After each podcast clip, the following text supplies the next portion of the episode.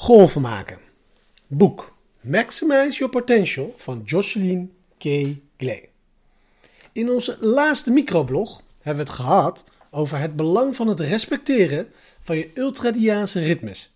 Waarbij we weten dat de kwaliteit van onze prestaties na ongeveer 90 minuten werk afneemt. Tenzij je geniet van slechte prestaties, chronische vermoeidheid en depressie, doe je er verstandig aan om regelmatig een pauze te nemen om opnieuw op te starten. Laten we hier nog even over doorpraten. Tony Schwartz is een van 's werelds toonaangevende autoriteiten op het gebied van energie en hoe je je energie optimaal managt. Hij schreef het boek The Power of Full Engagement en leidt een bedrijf dat zich volledig bezighoudt met het optimaliseren en managen van je energie. Hij vertelt ons dat het leven ritmisch is. Denk aan hoogwater en laagwater, dag en nacht, winter en zomer, dat soort dingen. Als we onszelf willen optimaliseren, dan moeten we de natuurlijke ritmes van onze wereld volgen en golven maken. Ofwel schommelen tussen aan en uit zijn.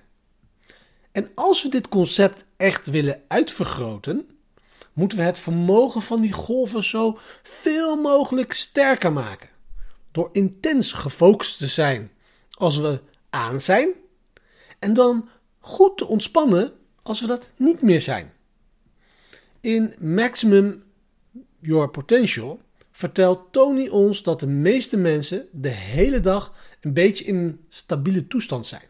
Vrij van hoogte- en dieptepunten en nooit echt all in gaan. En ook nooit zichzelf helemaal opladen.